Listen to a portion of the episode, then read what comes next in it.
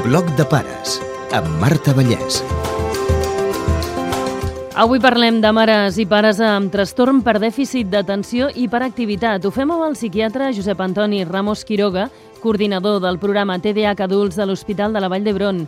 També sentirem la neuropsicòloga Cati García Nonell i una mare, la Rosmari Mayo.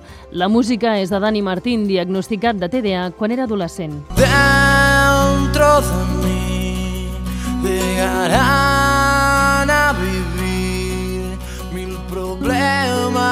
que me niegan, que me cierran mi pequeño corazón. Què és el TDAH? És un trastorn que s'inicia a la infantesa, i això és molt important, i és un trastorn neuropsiquiàtric i del neurodesenvolupament, pot afectar negativament el desenvolupament normal de la persona. Té com tres símptomes principals, tot allò que té a veure amb els problemes atencionals, el dèficit d'atenció, i després els símptomes que tenen a veure amb la hiperactivitat exagerada i la impulsivitat. I què el causa? És una malaltia complexa perquè hi ha diferents factors que estan interferint entre ells. Sabem que els factors genètics són una part molt important del TDAH. El 76% de les causes del perquè del TDAH tenen a veure amb aquests factors genètics, però ull que hi ha prop d'un 30% que tenen a veure amb d'altres causes no genètiques, causes que diem ambientals, el fet de consumir tabac durant l'embaràs, el fet de consumir drogues durant l'embaràs, el fet de tenir dificultats relatives a l'expulsió del nen en el parc o les situacions de risc psicosocial. Parlem de mares i pares que quan reben el diagnòstic d'un fill o una filla amb TDAH tenen una sospita. La Cati García Nonell s'hi troba a la consulta. Els pares et venen, t'expliquen la problemàtica del nen i quan fas aquesta devolució explicant a la família les característiques que detectes en el nen, és aleshores quan moltes vegades el pare o la mare se senten identificats. Com que el que els expliquem són símptomes, ells diuen, ostres, doncs saps que això quan jo era petit em passava el mateix o inclús si ho transporto a mare em passen certes coses canvis de feina constant, problemes amb coses legals simples, com pugui ser no haver pensat en pagar una multa i arrel d'això doncs, que s'acumulin uns deutes, gastar excessivament per impulsivitat o altres símptomes doncs, molt més freqüents, molt més del dia a dia, no? de dir, ostres, doncs jo em passa això, m'haig d'apuntar tot perquè si no no me'n recordo, o a vegades m'oblido molt fàcilment de coses, o me n'adono que estic en una reunió, estic pensant una altra cosa i quan torno a reprendre el que m'estan dient dic de què m'estava parlant. La Rosmari Mayo va anar encaixant peces. Va ser arrel de diagnosticar el meu fill. Vaig voler saber més sobre el TDAH i va caure a les meves mans el llibre de TDAH adults del doctor Ramos Quiroga. A cada línia que anava llegint em sentia més identificada. A l'acabar el llibre vaig veure que tenia tots els indicis de tindre TDAH. I el pas següent va ser en el metge. Primerament em vaig adreçar al metge de capçalera meu i ell em va derivar a la unitat de TDAH adults del Vall d'Hebron de Barcelona. Durant sis mesos vaig ser part d'un estudi i després del diagnòstic vaig decidir medicar-me. Nada volverá a ser como antes, nunca dejar que nada me cambie. I mirant enrere, la Rosmari va arribar a entendre per què algunes coses li havien costat sempre tant. Jo sempre havia sigut una persona que a l'hora d'estudiar doncs, eh, hi dedicava moltíssimes hores i bueno, a les notes, tot i que no havia sigut una noia que havia tret mai cap suspens, doncs tampoc havia sigut el meu esforç reflexat a les meves notes. Jo pensava doncs, que bueno, potser era una mica tonta, no hi arribava, però clar, tot això et fa molt que pensar i dir necessitaves més temps, lògicament, per estudiar. En un 25% de pares i mares es confirmarà que tenen TDAH. Hi ha un altre percentatge que presenten només alguns símptomes. Prop del 25% de pares de nens amb TDAH també pateixen el trastorn. Han tingut un fracàs escolar, han tingut moltes dificultats durant l'adolescència i, d'alguna manera, el que els permet és veure que aquell comportament que ells sempre han tingut al llarg de la seva vida s'explica arrel d'un trastorn que és el TDAH. Hi ha un 50% que pot tenir algun símptoma. Pot ser més distret, potser que la gent en general, o tenir més dificultats respecte al control de la impulsivitat. Diríem que són subclínics, que no arriben a la T de trastorn. I el 25% restant que ens quedaria són persones que no tenen ni símptomes ni criteris de cap mena de TDAH. Com reben el diagnòstic? I de sobte és un petit xoc per ells perquè comencen a pensar en el passat, el que han viscut de petits, les dificultats que han tingut i és molt habitual que expressi una certa ràbia de per què quan jo era petit no he pogut tenir l'oportunitat de de rebre un diagnòstic. I això succeeix en el 25% de pares de nens amb TDAH. Alleugiment en el sentit de dir ara entenc moltes de les coses que em passen o fins i tot tirar enrere i dir potser per això no vaig poder fer tal cosa. I després també molta empatia amb el nen, no? molta empatia doncs, a entendre què és el que li passa, inclús a l'hora de poder oferir estratègies, se senten reflexats i a vegades els hi poden donar quatre trucos que en aquell nen doncs, li va bé per experiència pròpia doncs, d'aquest doncs, pare. Mare amb TDAH, la confirmació per la Rosemary va ser un impacte. Recordo que vaig plorar força, vaig plorar d'emoció, no? El fill tenia unes respostes a una vida que estava plena de preguntes. Il·lusió per una part i tristesa i ganes de començar una feina perquè tenia que treballar pel meu fill i tenia que fer canvis per mi també. El cantant Dani Martín va dedicar aquesta cançó que sentireu a la seva mare per agrair-li el seu suport. Has perdido tu tiempo por mis ilusiones cambiaste llorar por luchar en mi nombre En el cas dels adults, com es fa el diagnòstic? Hi ha bons instruments, entrevistes diagnòstiques que ens poden permetre un diagnòstic molt fiable del TDAH a l'edat adulta. Un aspecte que nosaltres recomanem és que tots els pares de nens que tinguin un TDAH i que estiguin a les consultes del pediatre, del neuròleg, del psicòleg o del psiquiatre infantil, que es pugui fer un screening per veure si tenen o no tenen TDAH. La OMS va crear l'any 2005 un qüestionari simple que permet fer un cribatge ràpid en poc més de 2-3 minuts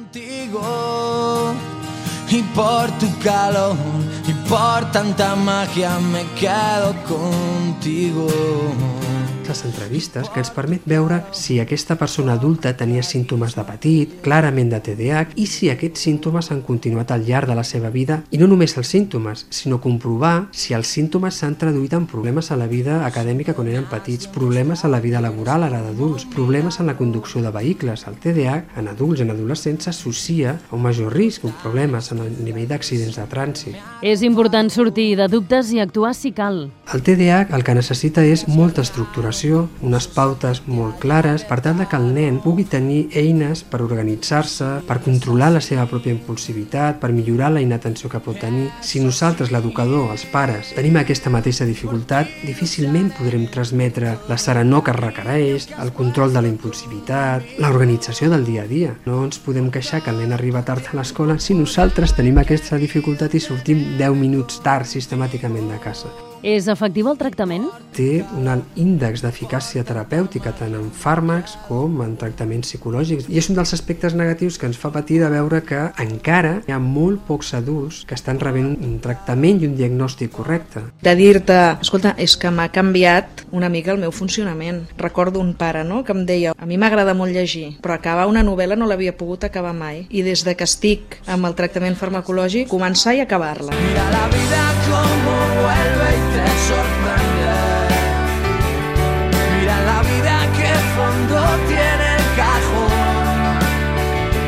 A la Rosemary Mayo, el fàrmac ha posat ordre a la seva vida.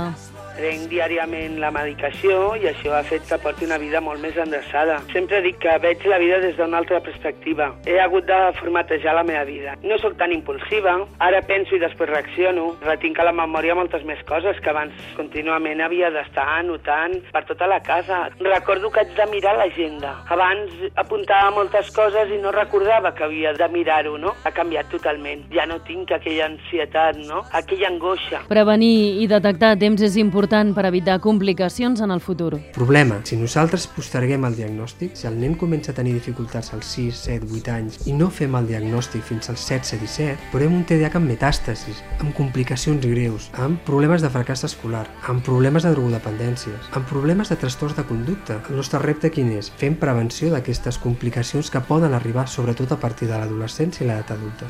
El sistema de salut hauria de poder determinar un possible TDAH. La resta de la comunitat ha de conèixer el TDAH igual que es coneix les crisis d'ansietat, la depressió major, trastorn bipolar o l'esquizofrènia. Hauríem de tenir la capacitat, la resta de psiquiatres, dels centres de salut mental d'adults i fins i tot els metges de primària, de poder tenir la sospita. Un jove que està fracassant acadèmicament, que veus que hi ha consum de cànnabis o de cocaïna, que et diuen que és molt impulsiu, que perd moltes coses, has de pensar en aquesta possibilitat i un especialista especialista de psiquiatria n'hauria de fer l'avaluació per acabar de certificar o no aquest diagnòstic. Y lo pasé tan mal mirando alrededor, estando tan perdido, falto de ilusión, cerca del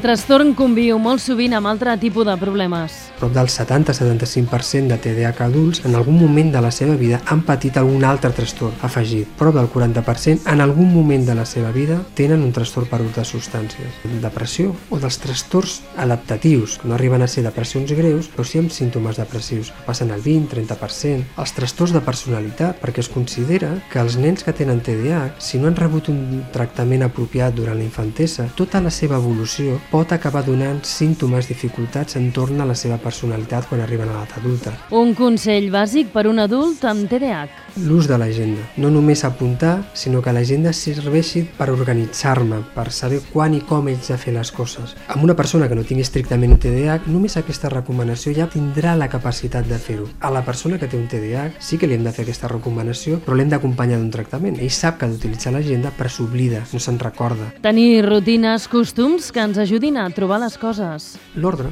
saber que potser tens una sèrie de rebuts que rebràs mensualment i que després hauràs de revisar per fer la declaració de la renda. Doncs tingues una caixa que els fiques en allà i automàticament els vas guardant. Si tens aquesta sistemàtica no tindràs tot això ple de papers o la roba sense ordenar moltes vegades. I parar i pensar abans de reaccionar de manera impulsiva. Sempre posar-te en el lloc de l'altre. Abans d'una reacció brusca, faré mal a l'altre? Això servirà per resoldre el problema que tinc. A nivell general també, identificar molt bé quin és el problema. La resolució de conflictes és un desastre amb moltes persones que tenen TDAH, identificar bé quin és el conflicte i fer un, organic, un arbre de decisions. Si faig això, quina solució tindré d'aquest conflicte o no. Les mares i els pares amb TDAH pateixen doblement. Ells veuen que el seu fill té un TDAH, té els mateixos símptomes que ells tenien. I la por quina és? No vull que li passi el mateix que m'ha passat a mi, no vull que fracassi acadèmicament, no vull que tingui la sensació de que és tonto. Això l'hem de reformular, perquè ell, probablement com a pare, no ha rebut un tractament des de petit i el seu fill sí l'està rebent. Aquest tractament ha de revertir aquesta mala evolució que potser ha tingut una persona adulta sense tractament a la infantesa. Gracias, fue tan bonito por darme tanto cuando era niño. Si vols saber més coses, Us recomanem el llibre del doctor Ramos Quiroga, Comprender el TDA en adultos, de Mata Editorial, i a internet les pàgines tdacatalunya.org, tdavallès.org i f-adana.org.